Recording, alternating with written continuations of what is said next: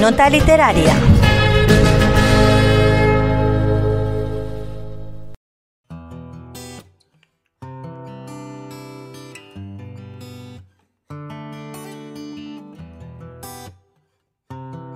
Hola amigos de la Tegua Radio.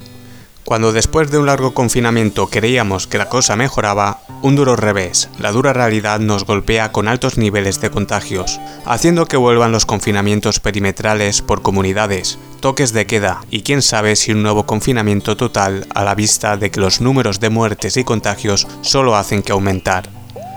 Con ello se incrementan las restricciones para viajar fuera de nuestro país, que ya eran bastantes, y ahora se encrudecen, y por lo tanto se cree que no se podrá viajar ni a corto ni medio plazo. Es época de viajar mentalmente, de cerrar los ojos y dejarnos llevar por la imaginación, coger un libro y sentir las vivencias de lo que otros sintieron cuando viajaban, ya sea en lugares verdaderos o inventados. Hoy me gustaría hablaros de Hamburgo.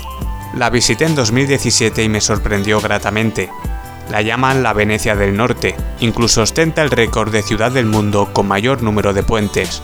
Sí, incluso más que la ciudad italiana. Venecia tiene más de 500, pero Hamburgo alardea por sus más de 2.300 puentes. Cerremos los ojos y volemos hasta Hamburgo.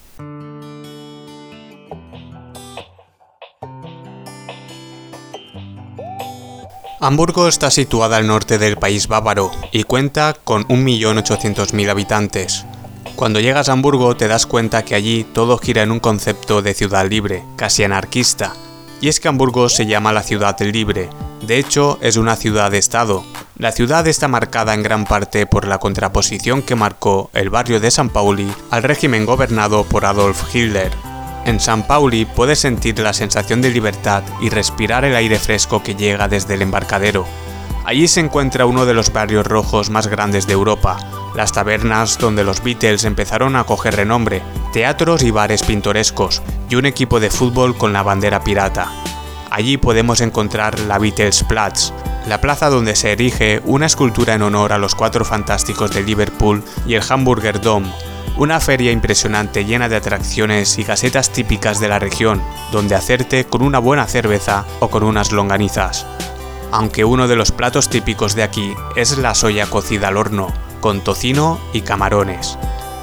Saliendo hacia el este de San Pauli nos topamos con una de las siluetas más características de la ciudad, la Catedral Protestante de estilo barroco de San Miguel, con 132 metros de altura y 453 escalones para llegar a lo más alto y disfrutar de unas vistas de escándalo.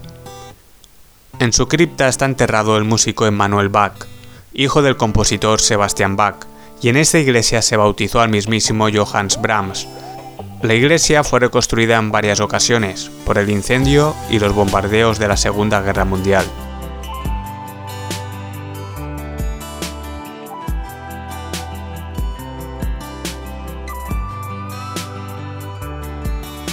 Pasear por el puerto te hace olvidar cualquier mal, sobre todo por dos lugares.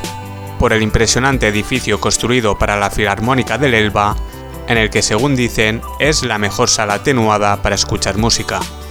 Sin duda desde fuera se observa un edificio impactante totalmente recubierto de cristales, simulando un pacífico oleaje. El siguiente punto es la zona de antiguos almacenes usados por los comerciantes de alfombras y en el que hoy en día se usan más para exponer museos. Aquí podremos tomar unas instantáneas fabulosas al atardecer, sobre uno de sus cientos de puentes que cruzan los canales entre los edificios de ladrillo rojizo. Y hablando de museos, uno de los lugares que visité y recomiendo es el Miniature Wonderland un museo de miniaturas que representa distintos lugares del mundo hechos a escala por los hermanos Brown, que se ha convertido en la maqueta de trenes más grandes del mundo.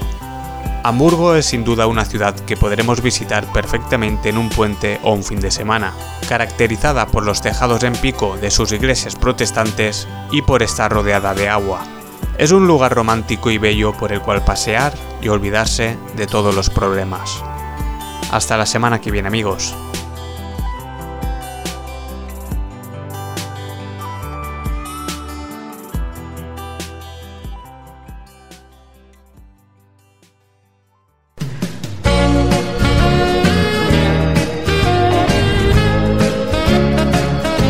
Nota Literaria.